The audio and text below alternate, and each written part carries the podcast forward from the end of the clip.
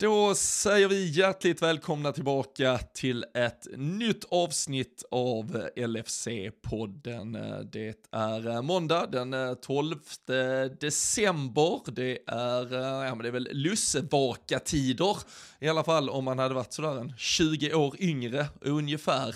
Men eh, Lucia imorgon, tidig morgon, men eh, framförallt så har vi ett Liverpool som har varit tillbaka i spel. Vi har väldigt många Liverpool Liverpool-spelare som har gjort exit från världsmästerskapet. Och eh, vi ska väl ta ner både de VM-kvartsfinaler som eh, skickade hem många av våra älskade Liverpool-spelare och eh, sen då matchen här eh, i söndags som är någon form av uppstart eller återstart inför att eh, det på riktigt ska spraka igång med eh, Manchester City i Carabao Cup och sen då att eh, ligan återstartar på Boxing Day. Vi eh, gör som vanligt avsnittet tillsammans med LFC.se och eh, vi kan väl eh, bara varmt rekommendera att man löser ett medlemskap i den svenska supporterklubben här nu till sig själv eller någon man tycker om i julklapp. 299 spänn för helåret, man får bra rabatter, bland annat på Sam Dodds. Det ordnas event och mycket kul, precis som via våran Patreon med mycket tävlingar så finns det väldigt, väldigt mycket tävlingar via LFC.se också. Och eh, är det så att man själv redan har ett medlemskap eller ändå funderar på att skaffa så kan man ju faktiskt också skaffa då ett familjemedlemskap om man är flera Liverpool-supportrar där i samma hushåll. När man väl har lagt in första personen för 299 så är det ju bara att fylla på med 99 kronor styck för övriga. Så eh, varm rekommendation att man går in på LFC.se, inte då alltså bara för att hålla sig minutiöst uppdaterad med allt jävla nyhetsflöde som finns där, utan också för att klicka sig vidare och lösa ett medlemskap. Men eh, nu ska jag se till att jag löser in Danne Forsell här i värmen och så sparkar vi igång ännu ett avsnitt av LFC-podden.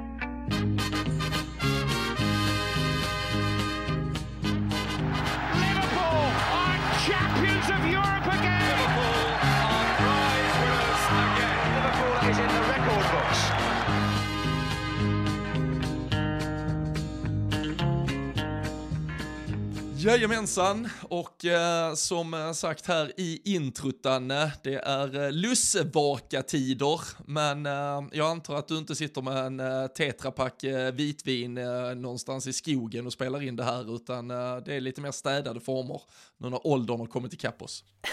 ja, precis. Det hade fasen varit riktigt kallt att sitta med en eh, tetrapack i, i skogen idag dessutom, så det är jag, äh, men det är jag nästan glad för att, eh, att åldern kom ikapp till slut, så eh, nej, det det förbereds istället för eh, dotterns Lucia-firande på förskolan. Så det är, är det, skilda är det världar sån, mellan... Eh, är det någon hädi, är det hädisk eh, uppstigningstid imorgon för att infinna sig 07 eller något sånt hemskt? Faktiskt inte, faktiskt inte så farligt. 9.30 så till och med... Nej, till, till, och med en, till och med en away och en utekväll innan hade ju man Bo, kunnat Borås, komma upp till det där. Så... Borås har egen jävla Lucia-tidszon.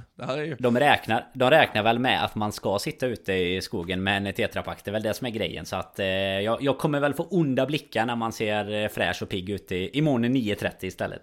Fan. Ja, nu, nu är det ju lite bättre, nu går mina barn i, i skolan. De 8.45 eh, sparkade loss där, men de, på förskoletiden vet jag, de hade, då körde de ju liksom utomhus Lucia-tåg, så här mitt, och det skulle vara mörkt så in i helvete. Det var ju typ 07 stod man där och eh, höll på att dö. Men, eh, det är för det nere i Skåne, vet, vi, har, vi har mörkt, vi har ju mörkt nästan till, nej kanske inte 9.30 i och för sig. Solen har redan gått ner då, då har de varit uppe och vänt, ja, så har den gått ner igen. Perfekt om man bor i Norrland, för de som lyssnar därifrån, då är det sådär. Kan man köra Lucia framåt lunch? Kan man dra det i samband med någon, någon liten eh, lunch på, på jobb eller sådär?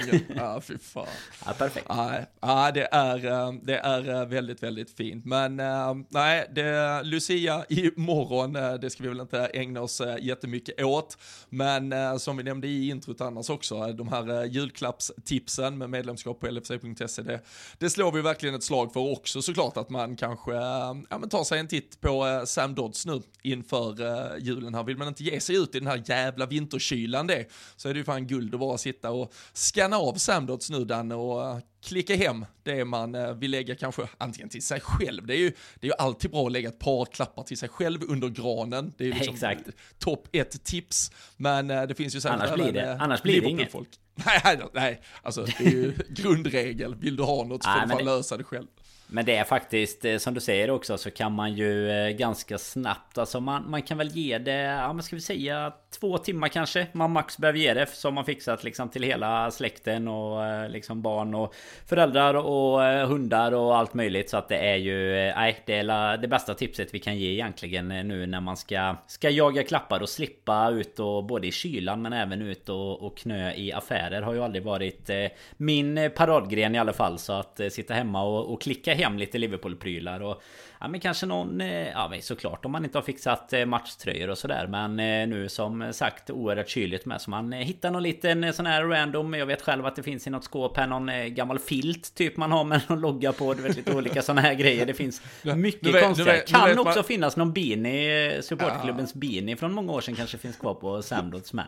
Det ska den, vara den är legendarisk man vet att det är en riktigt svettig elräkning när du drar fram flisen och binin på, på huvudet. Alltså då, då är det jobbigt. Då är det tuffa tider. Och så Liverpool-filten och binin och så ligger man ihopkurad uppe i, i soffan med åtta värmeljus i knät eller någonting. Det finns säkert det... värmeljus. Eh, det, det, är nästan, det är väl kanske där gränsen går ungefär på Samlots till att det ska vara eh, där. Men det finns, det finns något för alla i alla fall, det kan vi garantera.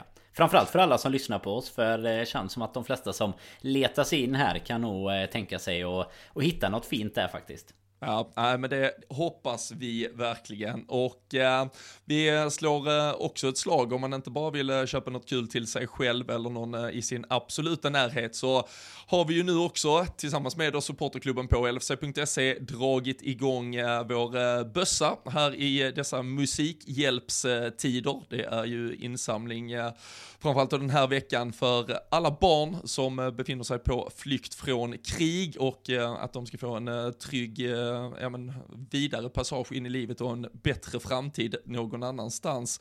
Och eh, med tanke på hur det här året har sett ut sedan eh, det ryska invasionskriget och eh, allt därefter och man har fått det i sin så absoluta närhet med eh, så mycket eh, ja, men, människor i allmänhet men barn också på flykt så, så känns det ju som ett eh, ämne och någonting som eh, vi alla har blivit väldigt berörda av under den här eh, tiden och vi har ju varit kända tycker jag eh, via våra liksom engagemang som Liverpool-supportrar för vad vi har lyckats göra. Eh, det, det, är inte jättelätt att avsätta någon större summa själv kanske men att kunna lägga det lilla man har och så vet vi att vi är för jävla många i den stora mm. Liverpool-sekten så tillsammans ska vi nog kunna göra någon skillnad. Så gå in på lfc.se, klicka fram till musikhjälpbössan och så kör vi ju då inte någon, det är ingen enskild för podden, utan den svenska supporterklubben är ju den som vi också hänger på helt enkelt. Men nu får vi väl rikta om blickarna mot uh, det fotbollsmässiga istället Anna från de senaste dagarna. För vi satt här för uh, bara ett par dagar sedan och konstaterade att endast en Liverpool-spelare hade åkt ur VM och uh, nu kan vi konstatera att bara en Liverpool-spelare är kvar istället. Så uh, det var kanske vi som förstörde festen genom att börja prata upp dem.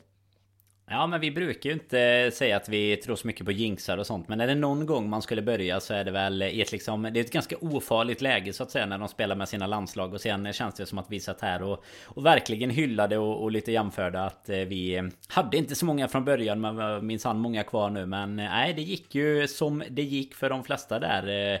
Tyvärr får man väl säga å ena sidan då Men precis som vi nämnde sist å andra sidan kan de ju kan de ju kanske ganska snabbt eh, ansluta istället nu och börja till och med bli spelklara för, eh, för matcherna som komma skall. För det är klart att ju, ju längre du går i mästerskapet, nu är det ju bara drygt en vecka kvar är det ju. Eller det blir ju Konate eventuellt som skulle spela då på, på lördag eller söndag eh, sista. Eh, och eh, ja, det är ju då, då är det ju tight liksom en vecka sen innan Boxing Day Men annars så Så är det väl en liten blessing i disguise nu när vi ska börja kolla på Alltså nu när man ska liksom koppla bort VM och börja koppla på liksom Liverpool biten igen Så Så får man ju ändå säga att det kanske var Var lika bra för våran del i alla fall Framförallt med tanke på vad som har hänt i Dubai hittills Ja, ja men precis, det, det kommer vi ju också till. Och eh, det vi kan säga där är, är ju att eh, Klopp med Darwin Nunes, eh, som då var den här tidigt utslagna Liverpool-spelaren, han ska ju ansluta till truppen idag, är det väl sagt egentligen. Eh, vi får väl se om han dyker upp i några träningsbilder eh, redan här måndag kväll, annars kanske vi ser honom i dagarna. Nästa träningsmatch spelas ju på fredag mot eh, AC Milan. Och eh, annars har ju Klopp sagt att alla spelare som från det att de åker ur får en veckas semester, så det är ju fredag, lördag, det vill säga att de är tillbaka till, ja men söndag, måndag kan man väl tänka sig, nu har jag inte exakt när Liverpool, men jag kan tänka mig att Liverpool åker hem från Dubai på lördagen, typ efter att man har spelat och så kommer man hem och så blir det väl en eller två dagars lite break där innan man då går rakt in i matchförberedelserna inför City Carabao Cup som väntar, det är väl den 22. Uh, eh, vi har mm. dem, men egentligen alla spelare som är utslagna nu, uh, det vill säga med bara uh, Konate som undantag, är ju egentligen aktuella för den matchen redan. Sen kan det väl absolut vara om vi tittar på spelarna som har spelat väldigt mycket, ehm, i alla fall van Dijk, Allison, kan väl tänka mig även Jordan Henderson läggs lite i det facket. De kommer man ju nog inte stressa in till ligacupmatchen, men däremot så är de ju absolut fit for fight inför boxing day. Jag tror däremot att spelare som, ja men en Fabinho och Trent som bara har fått minuter här och där i eh, det här världsmästerskapet, att de direkt de är tillbaka från träning, kanske till och med ser någon som liksom säger tack men nej tack till den här veckans semester, såvida inte det är något klubben liksom beordrar att man ska ta i detta som har varit en väldigt eh, speciell säsong på så många vis. Men eh, annars att vi har en hel del spelare som nog är redo att vara tillbaka mm. redan då. Så precis som du säger, det, vi satt ju och lekte med lite olika tankar kring vem man mest hade unnat, eh, vad det kunde betyda för någon spelare hit och dit.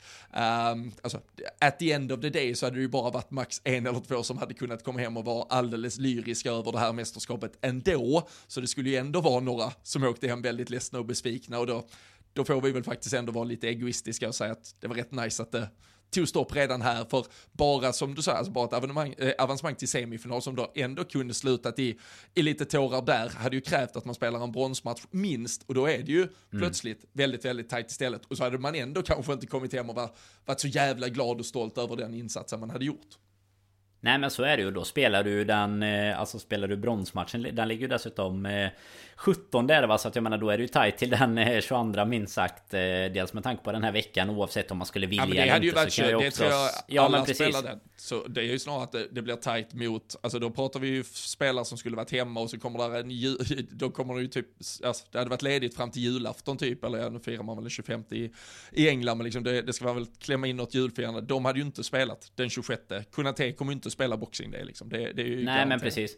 Sen har du dessutom ett ganska tajt schema som, eh, som följer därefter också ju. Så att det är rätt skönt att ha Alltså framförallt kan jag tycka sådana spelare som Som du nämner, så jag menar en Trent Alltså jag menar om, om, om nu England hade vunnit Alltså hur lyrisk hade en, en Trent egentligen varit Alltså det är klart att vara del av en sån grupp och sånt Det gör ju sitt Men jag menar han hade ju inte känt sig som en bidragande orsak Och då känns det ju bättre för oss eh, egoistiskt som du säger Att få med honom till Ja, in, in contention för att spela en eh, City-match som ju som ju på något sätt känns lite som den liksom eh, Om en finalen på något sätt i, i kuppen här i och med att eh, Ja men som vi pratade om redan innan lottningar och sånt att Många stora drakar redan har eh, fått flytta på sig eh, och eh, så blir det liksom Ja men de två bästa lagen de senaste åren som ska mötas här redan. Så att där har vi ju kanske en liten fördel men nu är det såklart en hel del City-spelare som har försvunnit också men en del som är kvar och sådär. Så att nej vi får väl Får väl se när de blir helt redo men jag tror ändå Ja jag tror att det ligger något i det du säger att det är, bara, det är ju egentligen bara en eller två då på sin höjd som Som hade kunnat komma hem och verkligen vara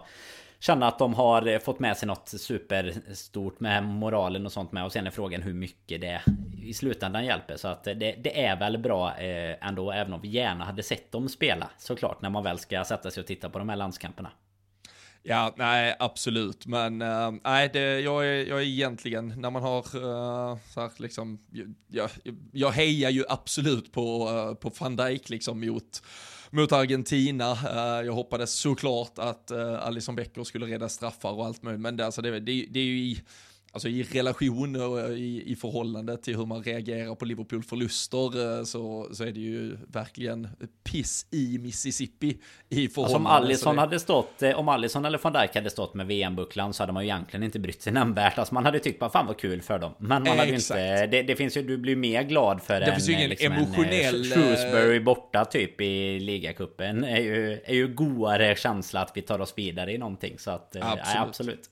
Sen är det ju, alltså om vi tar just de två spelarna så är det ju lite, de är, de är ju på inga sätt syndabockar i, i sina länder. De, det är inte så att de åker hem och behöver hålla försvarstal på något sätt. Men, men det är ju såklart lite jobbigt att säga att Allison inte tar någon straff. Han, han är ju inte så jätte, alltså om vi tittar straffläggningar, de han har stått, det är ju inte jättemånga, vi har pratat om Kelle här och hans rekordnoteringar han har stått för med, eller i Liverpool-tröjan, men Alisson har inte varit jätteframgångsrik där egentligen. Uh, det är alltså, vi, kan ju, vi kan ju i slutändan skratta åt att Kepa missade, vad var det, det var ju visserligen då mot, mot Kelle här, men uh, elfte straffen och sådär, men mm. Alisson har ju inte heller varit jättekänd för jättestora uh, alltså, uh, resultat från 11 meter och uh, sen fann van Dijk att han bränner. Uh, sen var det väl liksom, då, då, de, de var ju inne på sitt nionde liv ändå, holländarna där, så de, de, skulle kanske inte ens fått, att, ja, de fått och fått, de förtjänar ju verkligen chansen till slut, för de tog chansen och tog sig hela vägen dit, men, men det var ju en match som någonstans redan hade varit förlorad en gång för dem, så det var inte det var väl, jag tror inte, och jag, det är inte den bilden jag har fått av att någon har hängt upp van Dijk direkt för det där. Och Nej, eh, sen, inte finaste van Dijk-momentet är ju alltid dock efteråt när han själv eh, får frågan om han tror att Argentina kan vinna och han bara nej men jag orkar inte bry mig längre nu är jag ute så nu är det, nu är det skitsamma jag kommer inte kolla nej, på det, någonting det, ändå. Det, det finaste van Dijk-momentet det är när han skickar Leandro ja. Paredes 25 meter med en brösttryckare alltså herregud. Nej det är så härligt. Men är därför, det... alltså det är ju lite samband, alltså att, att få se det klippet och liksom bara känna fan vad gött att det är en eh, Liverpool-spelare och att det är van Dijk. Det är lite samma känsla som jag har tror jag om de eh, om de väl hade gått långt och vunnit ett VM så så här, Alltså för mig personligen, jag hade knappt blivit mer eh, glad eller inte än för något annat. Men däremot hade ju spelaren liksom i sig, alltså van Dijk som kapten och sånt. Han hade ju fått ett, en bekräftelse och liksom en... Eh, ja men en plats liksom så här, ja men han vann ändå VM med Holland. Han eh, i så här diskussioner om Ballon d'Or och sånt. Sen så kommer de liksom högt tack vare det och sånt. Det är typ den biten där, samma med Allison liksom. Ja men vinner du VM då kommer du antagligen vara med på alla bästa målvaktsgrejer sen oavsett nästan hur det går i under säsongen liksom. Så det är väl det är den biten, den, de individuella priserna som samtidigt inte heller egentligen gör något. Men det blir liksom erkännandet som Liverpool-spelare egentligen på något sätt. Så eh, nej, jag vet fasen. Men den, den bröstvärmaren, fan den, eh, den ska vi kanske ta ja, efter på någon om man blir riktigt förbannad efter någon match ja, det, när man är på plats. Är så, och, och den är så jävla klok, för du, du, får ju ut maximal effekt genom att du får ju liksom, det är dessutom en äh, ganska stor samling redan, så du, du markerar ju revir så att säga på sättet han kliver in. Du får dessutom skicka Paredes i backen, vilket, alltså dels jävligt skönt att bara skicka ner honom och liksom sända den signalen, men också genom att göra det på ett sätt, det är inte, han går inte fram och slår honom eller uh, inte ens, alltså nu var ju, jag tyckte ju Darwin Nunes första röd, alltså så här, det var ju ett rött kort mot Crystal Palace, men han, han får ju egentligen, om man jämför de två, alltså mm. Darwin Nunes får ju ut mindre av det han gör som ändå är enligt regelboken ett rött kort. Medan, nu kan vi tycka vad vi vill om alltså, Lahos-domarens insats här. Han, han tappar väl det ganska rejält många gånger mot, eh, mot Holland och, och van Dijk ska nog ha något mer än, än ingenting som han får i den här situationen. Väl, va?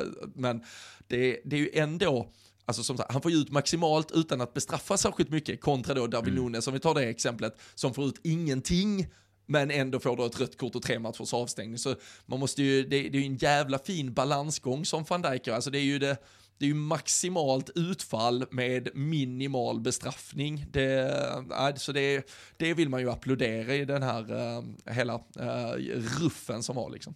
Ja men lite som du sa innan med det här om någon eh, Nu har inte jag heller sett att någon skulle ha hängt upp sig på att liksom han missar sin straff. Alltså att det är någon, något... Alltså han blir ju inte syndabock på det sättet i och med att de är dessutom är flera som missar. De är nära på att vända och alltihopa. Men jag tror ju att det blir... Eh, alltså du blir ju du blir mer upphöjd för den biten Särskilt i och med att eh, Paredes precis har dratt en boll in mot bänken liksom. Så att du blir mer Du, du liksom mer upphöjd. Den vågskålen liksom väger tyngre än att du Liksom missar en straff i ett avgörande läge nästan på något sätt. Det, det blir eh, Det är ju det som blir viralt efteråt också Att han bara sätter dit den bröstvärman Så att nej han eh, Han får nog fortsätta vara både våran hjälte och, och nationalhjälte där hemma med tror jag. Ja, nej, verkligen. Och eh, nej, så tidigt eh, uttåg där på fredagen först då för Allison och eh, Fabinho lite mer i skymundan. Eh, sen eh, som sagt då van Dijk och på lördagen så var det tack och hej till både Trent Alexander-Arnold också i den alibi-roll han har spelat i det här engelska landslaget och uh, Jordan Henderson. Det var, alltså uh, Trent, vad är det nu? Han gör väl någon jävla minut men Alltså, han hoppar ju in i någon av matcherna ja, där. Jag vet inte alltså, om det är Iran eller något. Alltså han ja, spelar väl 30 men, minuter i hela mästerskapet typ. Men, men också med diskussionen som var innan hur viktigt det var att få med sig James Madison till VM. Inte en enda minut. Han, kom inte ens in. Han, var, han var skadad de gångerna han hade chansen och kanske fått någon sån rotationsminut där i början av gruppspelet och sen bara, inte en enda minut. Men fan vad det ändå ska liksom skriva spaltmeter och göra, vi, alltså spelare 25 och 26, ni, de är så oviktiga. Det är mm. så jävla, alltså där, där får man ju ge så här gamla klass, alltså så här, Jan Andersson, äh, svenska landslag som liksom hade med John Guidetti i all jävla evighet typ. Och så här, ja, men han var väl kul i omklädningen, de spelade kort och hade det bra. Alltså det, du kan bara gå på det på spelare 23, 24, 25, 26 som du väl är nu man har fått ha med i VM till exempel. Men äh, Alltså, Nej, så sist får vi bara vara tacksamma för Trent där, för det är bara att hoppas att han har jobbat agent hela mästerskapet nu så eh, har ju han gjort sitt i alla fall även om han inte fick några minuter. Men det, det finns ju ingen som hatar honom så mycket som, eller eventuellt några motståndarsupportrar, men alltså som, eh, som ja, Southgate, inte... trots, alltså ja. jobba in hela mediakåren som säger att han inte kan försvara och alltihopa. Men alltså Southgate har ju Alltså typ som nu då när de behöver jaga sista tio ja, typ här. Där. Bara för att pricka otroligt. bollar på Kane liksom. Nej, Nej. ingenting. Alltså det, jag, jag fattar det verkligen inte. Eller Trippier också för den delen skulle ju kunna ta Walkers plats. Alltså så här. Ha någon som kan leverera lite bollar. Men nej, det, då förtjänar man att åka ut. Så är det bara. Ja, nej. Och eh, där eh, kan man säga noterade lite, jag tycker det, det är alltid ganska um, intressant, för jag är ju, jag tror ju inte att straffar är ett lotteri, utan jag tycker ju verkligen att man kan se till, och jag tror vi har diskuterat det lite efter de här långa, tuffa drabbningarna vi hade mot Chelsea i båda cupfinalerna under våren till exempel, om man tittar på skillnader, och där finns ju en journalist, Geir Jordet eller något sånt, tror jag heter, som brukar djupdyka lite i hur lag agerar, antingen både i alltså straffsparksläggningar men även alltså i eh, straffsituationer som sker i matchen. Och eh, det han då noterade från eh, Kanes eh, straffmiss kontra då att han satte den första straffen, det var ju faktiskt att Jordan Henderson eh, precis hade blivit utbytt. Eh, sen, sen kan man inte säga att eh, Kane kanske hade gjort mål om Jordan Henderson hade varit på plan, för då hade de ju faktiskt inte fått straffen, för det är väl Mount som fixar den och han kom ju in på grund av Jordan Henderson precis innan. Men hade man i någon drömvärld kunnat ha kvar Jordan Henderson, för han visade då väldigt tydligt på bilder hur Jordan Henderson, och det har vi sett han göra i Liverpool-tröjan också, att han tar han tar liksom grovgörat när man står och väntar under den här VAR-kollen eh, som sker, när det sen ska in och alltså gafflas med domaren och någon målvakt som är framme och du vet vill, vill sabba och störa och psyka. Då tar Henderson alltid bollen nästan tar all den skiten, bråkar lite med allt och alla och sen när det är dags, liksom bara någon sekund innan, då lämnar han över den till Kane och det gör han i det första fallet också. Ger Kane det där utrymmet, det där lugnet och, eh, och kan sen sätta den, medan ingen spelare sen är fram, de, de springer fram väldigt sent i alla fall i den här andra situationen där Kane står ganska länge och behöver ta lite fight då med, med allt och alla i, in i den franska boxen.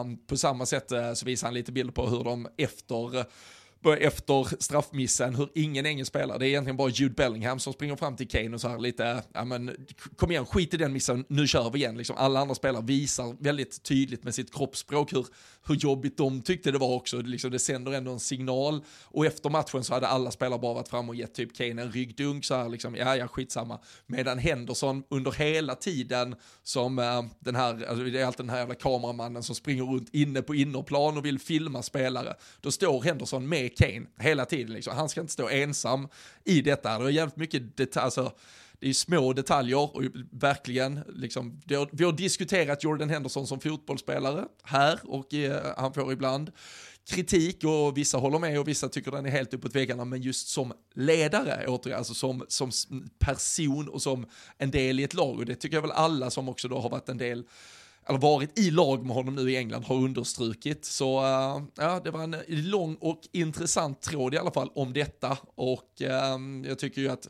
Jordan Henderson är ju kanske den Liverpool-spelare som åker hem mest stärkt från VM mm. ändå. Uh, med tanke på hur, ja, men hur ifrågasatt han har varit under hösten, men hur viktig han faktiskt i slutändan var i det här engelska landslaget.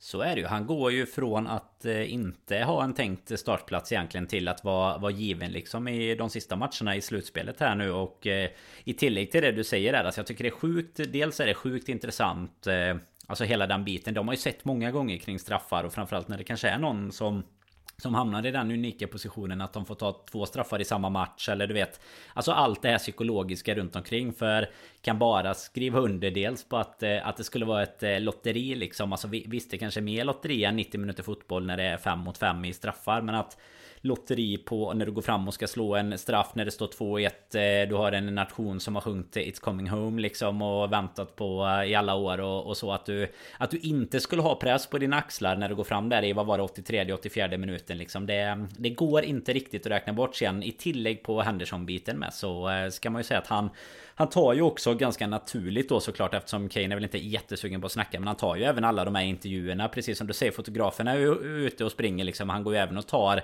de här normalt sedda kaptensintervjuerna då efter eh, matchen. Så eh, ja, vi har kritiserat honom som fotbollsspelare Men som människa tror jag fan inte vi har kritiserat honom. Och det, det ska vi inte göra heller För både som, som ledare och hela den Alltså han får ju så mycket Han får så enormt mycket beröm ju av alla Precis som du var inne på där runt omkring också. Och alla som har spelat i lag med honom och säger ju hur bra det liksom är. Jag menar allt det man själv ser är ju ungefär det som händer på 90 minuter fotboll plus eh, långa stopptider nu för tiden då. Men jag menar allt som, som sker på träningsplan och i omklädningsrum och sånt. där man inte ser där går det ju inte att, att tvivla på att han skulle vara liksom en, en av de absolut största som Liverpool har haft eh, utanför. Men även vad det visar sig då som, som spelare bara ruggigt genombra på ja, men både att vara stöttande och eh, även ta den ledarrollen när det behövs egentligen.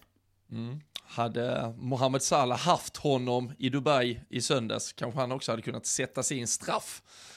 inte, inte riktigt lika mycket press men ändå lite när Liverpool kommer tillbaka i spel mot Lyon. ja, nej, det var en uh, ruskigt svag straff faktiskt. Uh, fötterna tar han det med. Alltså, jag vet inte om man ska jag vet inte om han går lite på mitten eller, eller gör han som Fredrik Eidefors brukar säga att han bara blundar och skjuter och det är därför det ser så billigt ut. Han har kollat, han har kollat för mycket på VM. Typ. Han har kollat för mycket på VMs eh, straffläggningar och tagit inspiration därifrån istället nu. Ja, nej fy fasiken. De var vi inte glada på sist när vi satt här. nej, nej, herregud. Men uh, nej, vi får väl uh, se då nu. Uh, nu är det ju Kroatien mot Argentina, tisdag kväll, Marocko mot Frankrike. det är ju, alltså man, ja, jag, jag vet inte hur, hur det, alltså så här, Marocko, ska de skrälla mer, då får de skrälla hela vägen, då får de vinna skiten. Alltså den skrällen, den tar jag alla dagar i veckan. Men ska de ändå eventuellt förlora finalen, då vill jag hellre att de åker nu. Då, då kan jag tänka mig att se Argentina mot Frankrike i final. Ge mig en, alltså, det blir ändå Messi mot Mbappé, det blir någon form av eh, kungen mot kronprinsen, eh, det blir de två på förhand uh, av många tippade uh, favoriterna. Då, då, har vi liksom fått alla häftiga uh, svängningar och allt möjligt längs vägen dit. det blir en bronsmatch som sen kommer betyda allting för två länder mm. i Kroatien och Marocko. Men jag vet inte, jag kanske är lite för superligig av mig om jag säger att jag vill ha Argentina-Frankrike i final. Men äh, ska jag, jo, vi får avsluta VM med en riktigt jävla stor match, en jävla brakmatch. Och jag tycker ändå både Frankrike och Engl Frankrike, England och eh, även då eh, Holland och Argentina visar i kvartsfinalerna att när det ändå är, alltså även då på pappret, jättarna som går upp mot varandra, det är fan då vi får de fetaste matcherna rent åskådarmässigt. Sen kan det finnas historier och symbolik och jättemycket annat i helt andra typer av matcher. Men eh, som fotbollsåskådare så har det ändå varit de, de bästa här de senaste veckorna. Ja men så är det ju och så är det väl egentligen alltid Alltså både i VM och i Champions League och allt så vill du väl ha de största lagen eh, till slutet om man säger så utan att du Alltså utan att du vill ha som du nämner att du är lite superligig så vill jag ändå ge dig att eh, Jag menar du, du tillåter ju ändå det var öppet för eh, ett eh, VM-kval Du tillåter att Marocko ska kunna ta sig vidare från sin grupp och till och med slå ut någon gigant på vägen. Men, men jag håller absolut med dig om att i slutändan så vill du ju ha de feta matcherna. Så du vill ju När du tittar på ett slutspelsträd så vill du ju liksom ha Brasilien mot Argentina i, i en semifinal istället för Argentina mot Kroatien och sånt. Jag menar om du inte bor i Kroatien. Men det är ju Så är det väl. Så tänker väl de flesta hela tiden tror jag. Och jag kan bara hålla med dig om att jag hellre Alltså Sitter jag hemma i soffan så tittar jag ju hellre på en VM-final mellan Frankrike och Argentina Bara för att det blir lite fetare med vilka spelare som är med. Sen kan matchen säkert bli lika bra om det är några andra Och det kan bli jättetillknäppt om det är två stora som möter varandra och sådär. Men det blir ju fotbollshistoriskt på något sätt blir det, blir det lite coolare. Sen eh, tror jag väl att är man på plats däremot så verkar ju Marocko vara laget som eh, Som man ska gå på deras matcher. Det verkar vara en jäkla eh, tryck vet jag inte om jag ska kalla alltså, det. Det visslas mycket i alla fall. Marocko Argentina hade väl varit supportermässigt den största matchen där nere. Ja, absolut. Det är ju vad man har hört i alla fall att det är de två. har ju varit enormt och, och Marocko verkar ju ha sympatierna från både äh, Afrika såklart, men även från stora delar av arabvärlden. Så äh, nej, det så... är Nej men jag tänkte säga så har det väl alltid varit i typ Champions League och sånt Men jag menar skulle nu Alltså åker Liverpool ut i, i Champions League Då vill du hellre se Alltså nu, det blir svårare när man har sitt lag med i liksom hela, hela den soppan Och vilka man inte vill ska rycka ifrån i antal titlar och sånt Men menar du ser ändå hellre en final mellan Typ eh, Real Madrid mot eh, Bayern München än att se det mellan att det är två lag som har, eh, har skrällt sig fram hela vägen. Sen spelar det ju väldigt stor roll ja, vad de spelar för sorts fotboll med tycker jag. Alltså typ som Kroatien som liksom borde ha åkt ut tre gånger. Det är ju det är inte jättekul att titta på liksom. Men äh, vi får väl se. Ja men framförallt, eh, alltså nästa, ja, alltså nästan två skitlag hade varit det. Alltså får vi Kroatien, Marocko i final, det kan jag nästan uh, köpa. Alltså för det, det blir också så extra, då kommer ett av lagen skriva någon enorm historia. Men det, det värsta som kan hända tycker jag objektivt, det är ju om man får, alltså att det blir ett gigantlag mot ett på pappret klart mycket svaga. Alltså, med all respekt för resan Kroatien gjorde i VM för fyra år sedan, men när de då kommer fram till finalen och vad blir det? 4-1 eller något till slut till Frankrike. Och det var liksom, det var spel mot ett mål och det var, man visste hela tiden att det var, det var bara att gå och nynna Marseljäsen från första minuten till 90 i stort sett och så skulle det bara, så skulle det bara hem och bli eller blö och så skulle Paul Pogba få dansa runt med skiten. Alltså det, nej så vill jag inte ha det, men eh, så det får vara antingen eller här i alla fall. Men... Um, vilka vinner? Inga... Om, du ska, om du ska säga ett lag nu då utöver vilka som ska mötas i finalen. Men om du bara tänker eh, alltså, nej, kvalitetsmässigt hittills, vilka tar det? Nej, Frankrike tar det. Jag tycker uh, Griezmann har varit så jävla bra i mm, liksom, någon form av offensiv mittfältsroll där han bara styr och ställer vart han, vart han vill på banan och tar sig ut i i positionerna ute på kanterna och Giroud är ju, han har ju återuppstått liksom. Eh, Mbappé har eh, fått ha den här matchen där han inte kom upp i sin nivå här mot England så det ska ju bara spraka en gång till.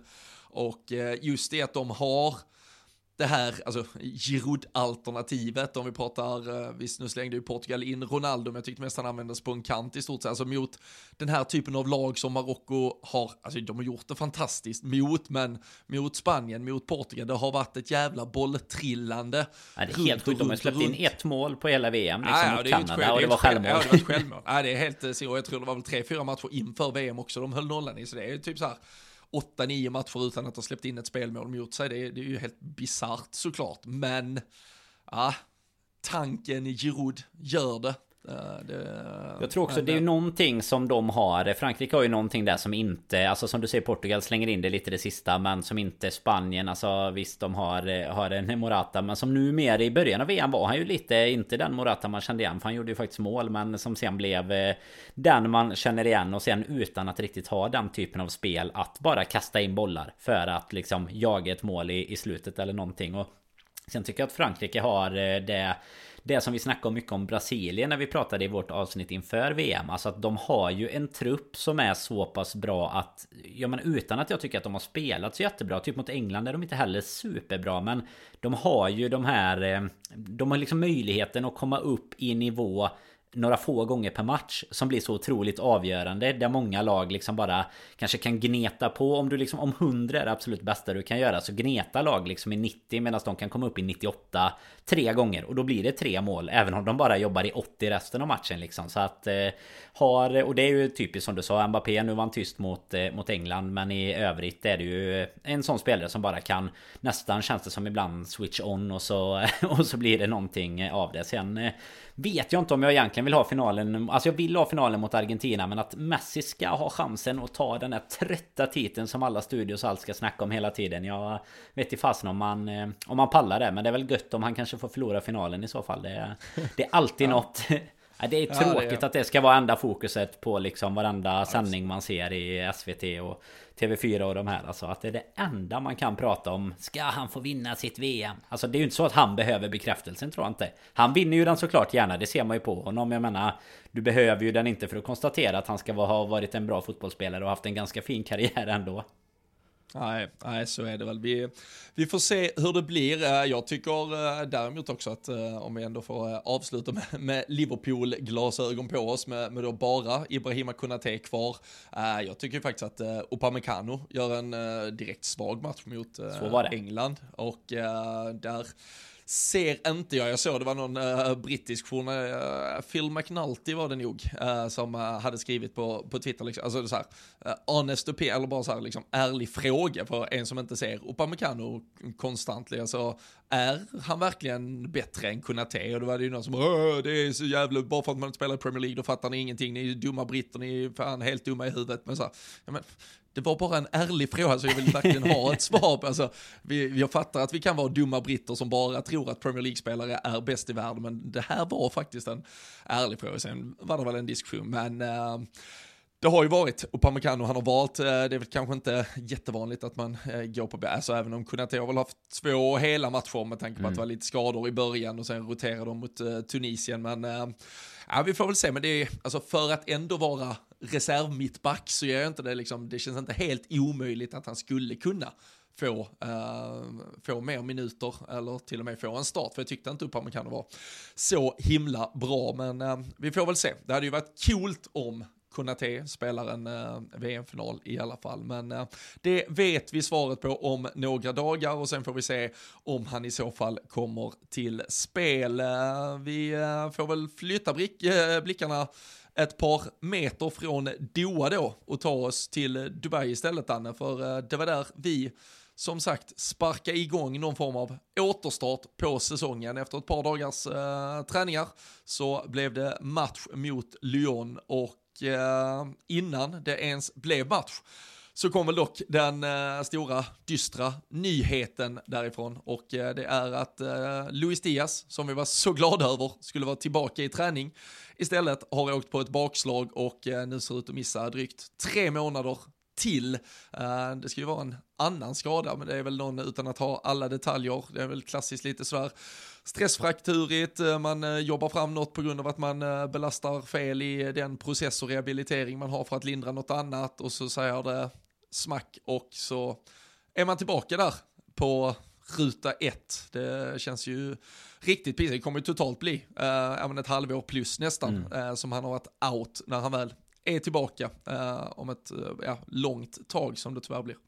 Ja, alltså hela säsongen egentligen får han ju spoilerad här egentligen. Det är ju mars eh, är ju snacket nu. Det kom väl bilder idag var det väl man såg det på att det var lite operation och sånt eh, genomförd. Så att eh, nej, det är ju han har ju varit så jäkla bra också. Så det är ju katastrof nu när man väl ska börja stänga ner hela VM-bubblan och, och ta sikte mot rött igen så är det ju trist att man ska få Ja, börja där man avslutar ungefär för någon, ja det är väl exakt en månad sen. Sitter jag bara här och gissar nu? Eller var det inte 12, Nej, 12 november, november vi spelade kan sista? Southampton. Ja, Absolut. tror att det var det va? Och så, eh, så ska man liksom nu eh, börja ändå veva igång eh, trumman lite grann här till till träningslägret och alltihop och så började det liksom här att eh, det man kanske såg fram emot mest egentligen eh, om man ska vara ärlig att det skulle vara tillbaka att det är det som går i sönder direkt. Och det är väl eh, Jota är väl också till februari-mars där någonting. Så båda de alternativen som ju har eh, ja men verkligen kryddat till våran trupp eh, nu det sista som eh, som vi ju tyvärr blir utan och det kommer ju innebära att vi kommer behöva att eh, andra steppar upp eh, på ett helt annat sätt än vad det var för just eh, den en månad sedan där och, och liksom att vi kommer in i säsongen igen här om två veckor nu är det ju idag så... Eller innan City-matchen innan med och såklart så att... Nej, det, det var ingen bra start och det var ingen match som kommer gå till historien i... Nej, vad var det det heter nu? Dubai... Är det typ Dubai Super Cup eller jag kommer inte ihåg. Ja, men det är ju någon sorts turnering. Det är ju en Audi Cup-läge på det. Det brukar inte vara påhittigare än så. Vi, det, var inte, det var inte nog med att vi förlorar. Vi förlorar ju den viktiga straffläggningen sen efter förlusten ja. också. Det, nej, det, det är tuffa, tuffa jävla bud där borta.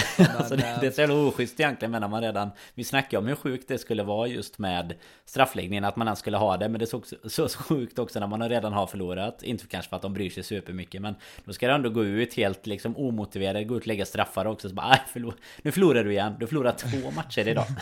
ja, nej fy fan.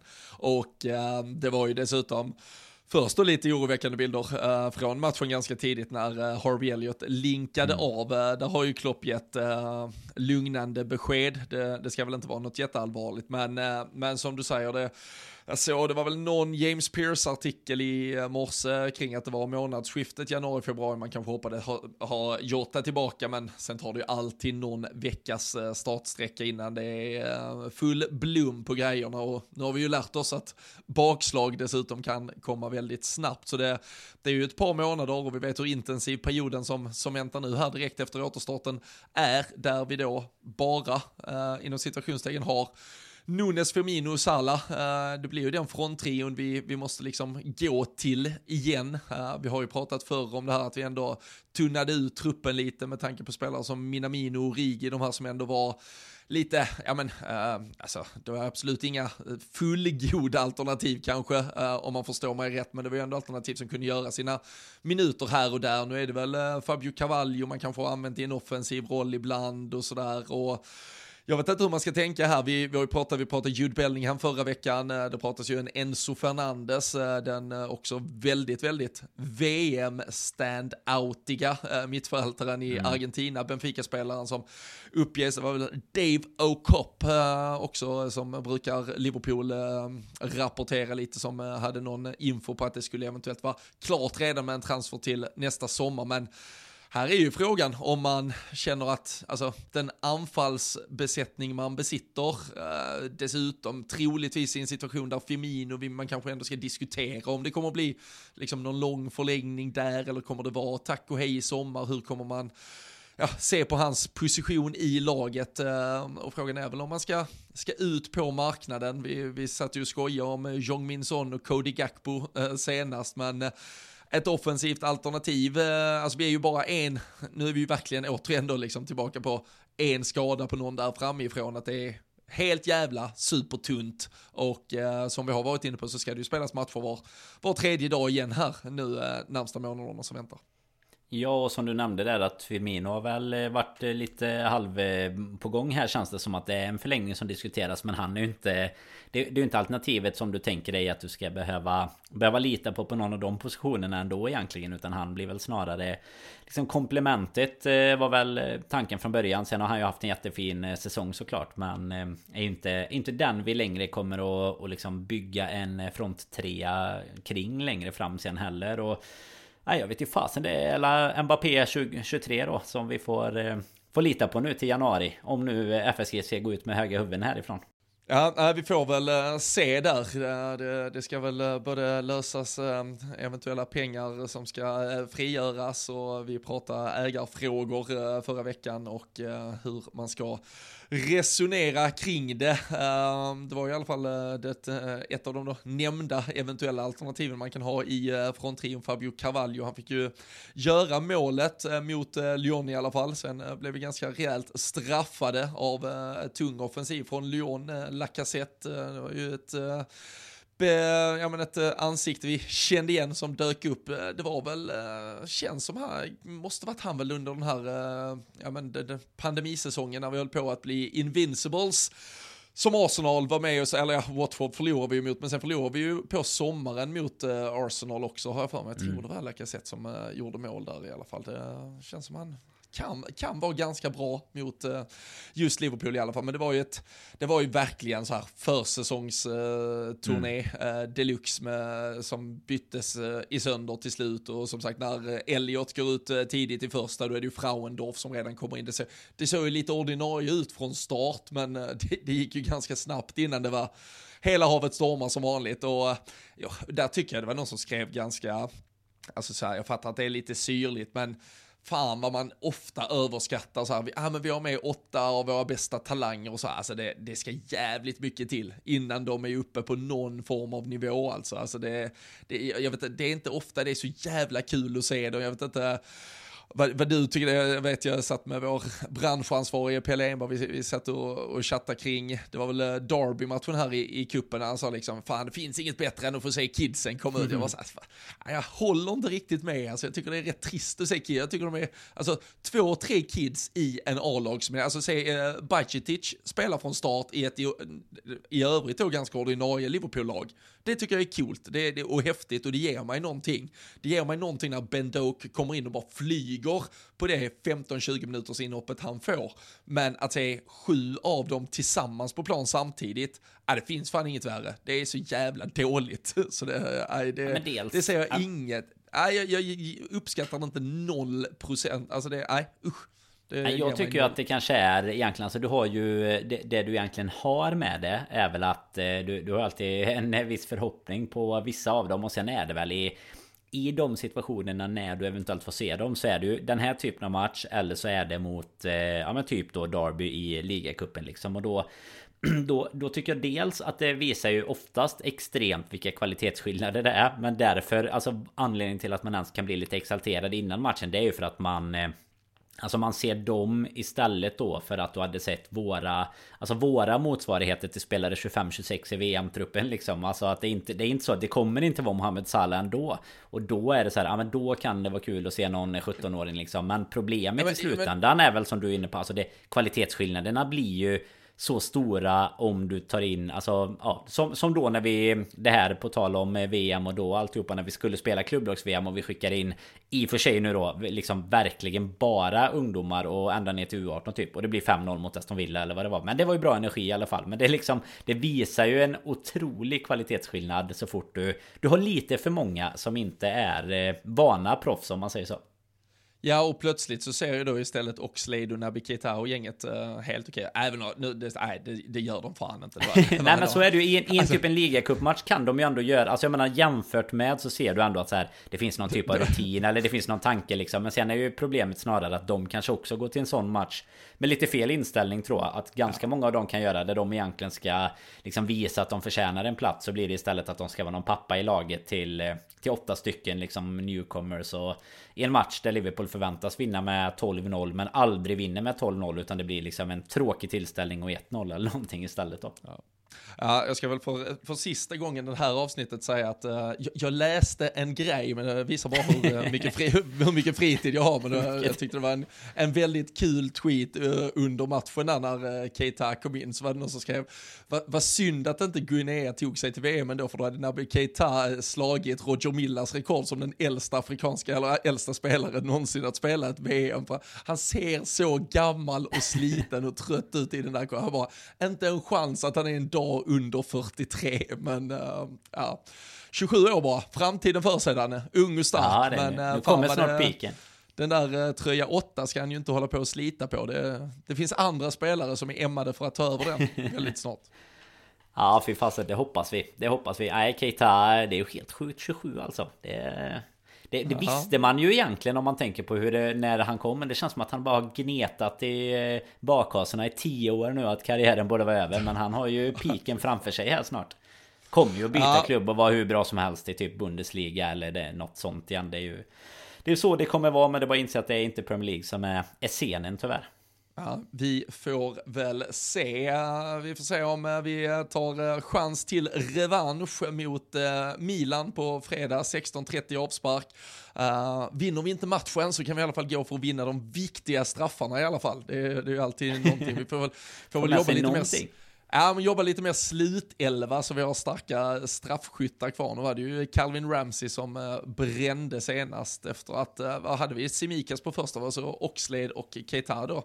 På tal om dem som eh, gjorde mål trots allt från 11 meter så visar de ändå vilken eh, jävla mental styrka de har genom att trycka dit eh, de där straffarna. Men eh, Ett litet förslag där måste ju ändå vara att när man har sådana straffläggningar som kommer efter matchen utan att det är eh, kopplat till eh, något resultat och så, då borde man ju få skicka fram vem man vill egentligen.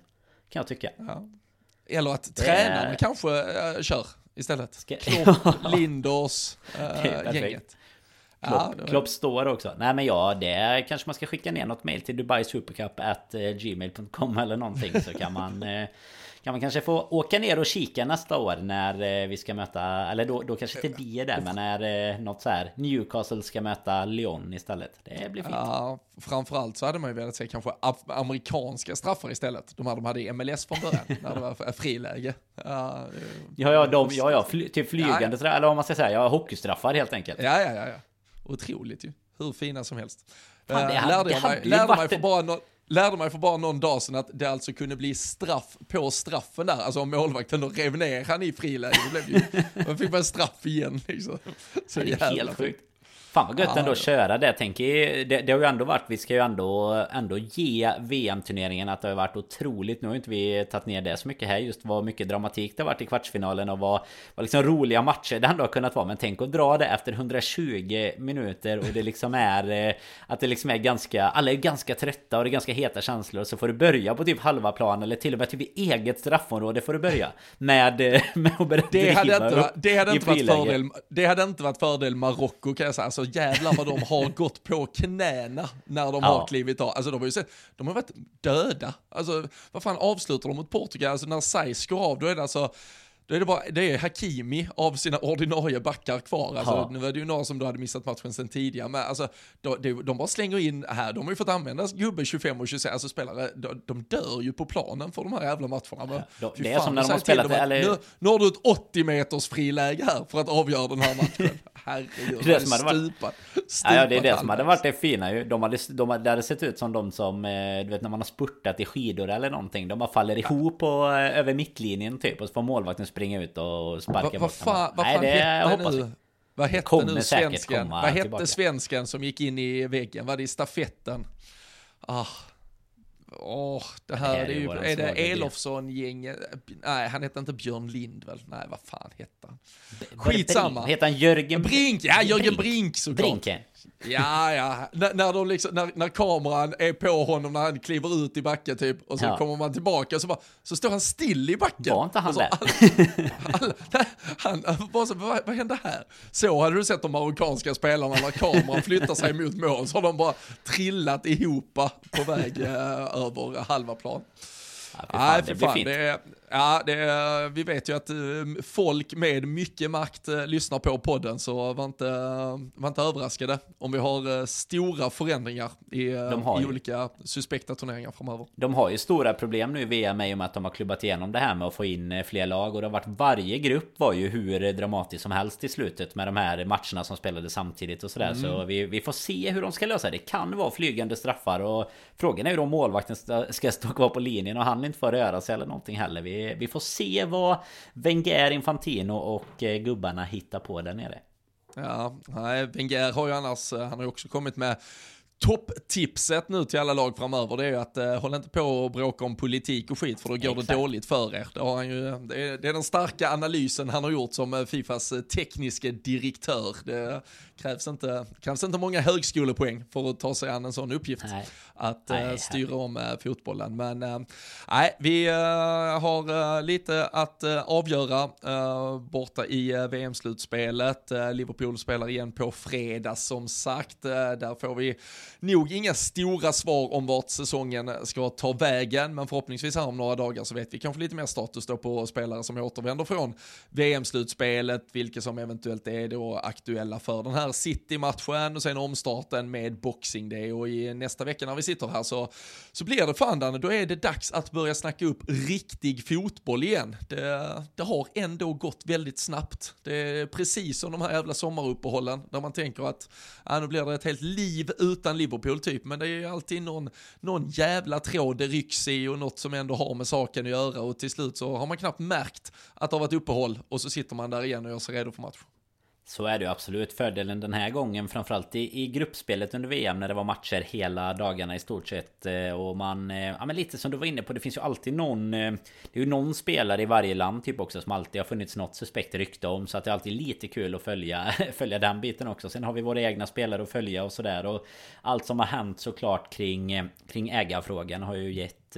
Ja men lite så här vad säger man, lök på laxen eller någonting till att det i alla fall ska finnas lite Liverpool att snacka om. Och så eh, nu är det snart dags för City. Och det blir ju som vi pratade om när lotten kom alltså att eh, få dem att få den matchen som en eh, uppstartsmatch sen det blir det blir fint. Lite hoppas vi på en Community Shield repris där då helt enkelt.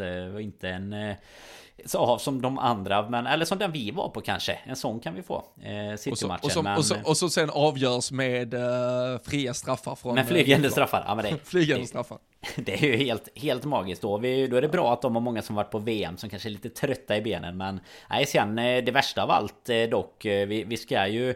Vi kommer få snacka upp matcher, det kommer vara tätt som du säger. Det är väl typ var tredje dag, ja, både fram till årsskiftet men sen även i, i början på januari där. Och sen eh, är ju problemet bara att man kommer behöva öppna upp sitt eh, fantasylag igen också. Men eh, vill man göra det återigen om man inte har lagt ner den karriären så får man ju inte glömma heller att vi kör våran lilla Royal League här. Ja på precis. Patreon. Precis. Den ska eh, man ju in i. Har du, har du varit inne och scoutat den? Du har ju ett öppet wildcard just nu Robby. Jag har faktiskt inte ens... Ja, eh, jag jag, jag tror inte jag har startat den appen sen eh, sista dagen det var Premier League. Och jag vill eh, egentligen bara glömma Nej. av den. Men eh, Ja, nej, nu måste man ju satsa på detta. också, den, har, den har samlat eh, sin beskärda del av damm här, så det, det är väl absolut eh, dags att snart eh, börja ta en titt och eh, får man ju sortera där lite kanske på, i alla fall inledningsvis, eh, spelare som då fortfarande är kvar eh, i, i VM här som kanske inte blir aktuella för Boxing Day-fighterna. Det är ju samtidigt inte så mycket det var ju lite, man, man hade en situation med, man tänkte ju många City-spelare som var iväg på, på VM, men det, det är ju ganska många som har åkt hem nu. eh, Med, med tanke på Portugal så var det ju Bernardo Silva, Ruben Diaz, eh, Cancelo med flera. I det engelska landslaget hade vi ju också ett, eh, ett stort gäng där som de då ändå får tillbaka i någorlunda tid. Eh, nu är det ju egentligen inga stora bortfall i något, nu, nu liksom tänker jag medan jag pratar i stort sett, men det är väl egentligen inget Premier League-lag som som har det jättejobbigt med tanke på de här fyra återstående lagen. Uh, alltså Marocko, eh, ha Hakim Ziyech, det är ju inte jättemånga minuter speltid han har fått i Chelsea. Kroatien, det är ju inga bärande spelare i något Premier League-lag. Det är väl Spurs som har. Perisic där egentligen är väl den andra och han är ju, Ja. är ju bara en risk i... Han, han är ändå inte Ja, supersolklar Och där har de ju, nu har han varit skadad de senaste, men eh, Tottenham har ju även eh, Romero i, i Christian Romero i. Argentina och så Om man nu skulle få för sig att ställa honom då är man ju... Då vill man inte vinna Royal League ändå. Nej, men det är, det är kanske Tottenham som ändå har, alltså om jag tar, eh, exakt antal och jag inte räkna igenom i de här liksom 25-26 manna trupperna, men det, där är ändå ett par profilerade spelare. Precis, sådana Eh, spelare som ändå Uni- lirar. Uni- United kan ju eventuellt då vara utan både Rafa Varan och eh, Lisandro Martinez, eh, ett potentiellt mittlås. Så det kan ju vara att de kliver in på Boxing Day med Maguire och Vigge. Då är det ju bara att scouta, vem möter United? För det är ju, det är ju över eh, en handfull som eh, kommer att skeppas in där. Så, eh, det- Maguire har är ju på nytt född nu efter VM. Ja, det är, men det är dags att börja göra eh, scoutjobbet hör jag i alla fall. Det eh, får fan, eh, får man ta tag i detta här. För vad är det som du, gäller? du, är ju, men du, har du ja, men jag notis? tänkte- Jag, Ja, men jag måste fråga, har du notiser på, på Fantasy-appen eller på Premier League? De har ju helt otroligt nog skickat ut typ en grej om dagen. Och så, alltså typ för en månad sedan redan började de med att man så här Nu får man eh, kika på Fulham Assets typ. Och man men alltså vad håller ni på med? Det är en och en halv månad kvar till matchen ska spelas och det är så här Ingen vet vem som åker ur VM. Det var, nu har det ju kommit lite faktiskt lite dubbla game weeks och sånt med som man behöver ha koll på när man kollar sin oh. Eh, oh. trupp här och sånt. Oh. Men eh, Nej men sen är det ju egentligen, alltså det man ska göra då helt enkelt Det är att gå in på Patreon till att börja med Där hittar man ju all info Men det är ju, du sätter ju mig lite på pottkanten här i vilka, i vilka Game Weeks precis det Men jag tror att det är ja, 17 till 21 Det är ju i alla fall det är januari ut i alla fall som vi, vi kör den. Så enkelt är det. Månaden i januari ut. Så det, det, är ju också viktigt att tänka på nu då att detta är ju en ny liga. Så att det räcker inte att man är med i, i den gamla. Och det har bara med administration att göra. För gör vi en ny liga ja, som precis. börjar 17 behöver vi inte sitta och räkna plus och minus och sådana andra svåra saker som vi inte riktigt behärskar. Så att eh, nej, en ny liga där. Man hittar länk, koder, alltihopa där. Och eh, prisbord från Samdod såklart så skulle man missa en julklapp så har man ju möjlighet att, att vinna igen i alla fall eller om man inte lyckas köpa några paket till sig själv utan budgeten tog slut på, på både barn och fru och sånt eh, som det ju tyvärr lätt gör i dessa tider. Ja, ja men absolut och äh, som sagt gå in på Patreon.com slash LFC-podden. Uh, eh, signa upp er där. Uh, vi, uh, vi har inte uh, inflationsjusterat någonting. Det är fortfarande 2 dollar 20 spänn man kan signa upp sig på. Nu går ju såklart tipstävlingarna igång så det kommer vara massvis med vinstchanser från, från Samdots där som sagt löpande när vi börjar spela igen. Och om man då känner att man vill ha en liten taggning för att komma igång med sitt fantasylag så joinar man den här nya lilla spurt tävlingen som det blir. Royal League eh, heter den här eh, ligan och kör då som sagt över fem omgångar, 17, 18, 19, 20, 21 och eh, så har vi prisbord från Samdon. Så det är ju en väldigt liten insats från er sida, eh, väldigt eh, beskedlig kostnad och så kan man som sagt både tävla i fantasy och eh, alla de här resultattävlingarna. Det är ju en, ja men en jävla dunderboxing day vi har framför oss när det väl sparkar igång. London Derby, Brentford Spurs först, vad har vi sen? Wolverhampton kanske piskar till Everton borta på Goodison. Sen spelar vi ju 18.30 mot Aston Villa och så avslutas det också i London med ett derby Arsenal mot West Ham. Så det är ju en jag vet inte, det, man lämnar väl inte soffan den 26? Det, det Nej, det är väl tradition. Få saker gjort tidigt om något ska göras, men eh, boka inga jävla långsittningar den 26, då, då har ni inte varit med för.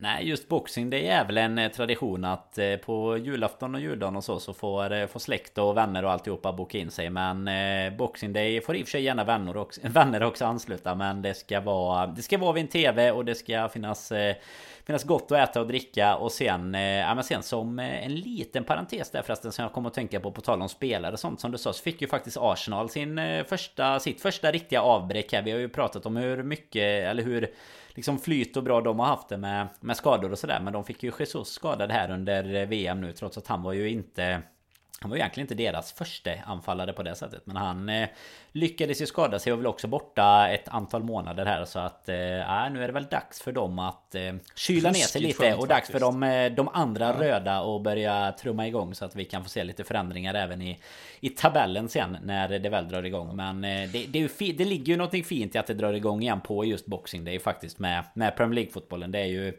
Det är ju på något sätt eh, den stora julafton och högtidsdagen för för, oss eh, ja. som eh, du säger som ändå har Premier League närmast. Ja men den har ju varit, och den är ju uppenbarligen, för jag har sett kika lite på de andra topp 5-ligorna när de drar igång. Det är, jag tror det är 28 och 29 så är det på, i Frankrike och Spanien. Sen är det typ 4-5 januari som Serie A drar igång och sen Tyskland kör ett ganska klassiskt vinteruppehåll fram till 20 mm. januari. Så Premier League är ju även rekordsnabba här. Eh, det är väl eh, flest lag som brukar gå långt i Europa och det är både ligacup och FA-cup som ska klämmas in så de, de, har väl inte så mycket val. Men eh, jag tror absolut att den heliga Boxing Day har varit väldigt viktig i uträkningarna för att sätta ihop det här spelschemat. Så vi får se. Det jag kan konstatera är att Taiwo Awoniji måste in i mitt lag för det är Nottingham som möter Man United tisdag 27 december och mot eh, Vigge och Maguire. Då, då blir det hattrick för den gamla Liverpool-talangen. Exakt Så, det uh, laget man ville sätta tre gubbar från när, när Premier League ajamän. och FPL återstartar. Det känns som du, du, går för titeln här i Royal League tidigt nu.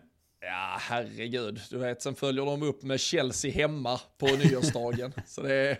Nej, för två enkla, två enkla först. Äh, swisha en hundring och eh, hör av er i DM så, så får ni fler fantasy-tips. Eh, det, det, löser vi. Men äh, jag tror ni har bättre koll än vad både jag och Danne har. Så in på LFC-poddens Patreon-sida, patreon.com slash LFC-podden. Joina där så kan ni vara med i fantasy-tävlingen och mycket annat. Nu säger vi Tack för eh, att ni har varit med oss idag. Vi slår också ett sista slag för Musikhjälpens bössa. Det är tillsammans med Svenska supporterklubben eh, för eh, vårt underbara Liverpool som vi skramlar denna gången och vi gör det för att barn på flykt från krig ska få en ljusare framtid och bättre förutsättningar. Så sök upp Musikhjälpen, sök Liverpool så kommer ni hitta den. Det finns också på lfc.se där ni kan läsa mer. Så kan man så eh, försök gärna vara med och bidra. Det kommer många bli vinnare på i slutändan. Men eh, nu säger vi tack för att ni har varit med den här gången så hörs vi och ses vi snart igen.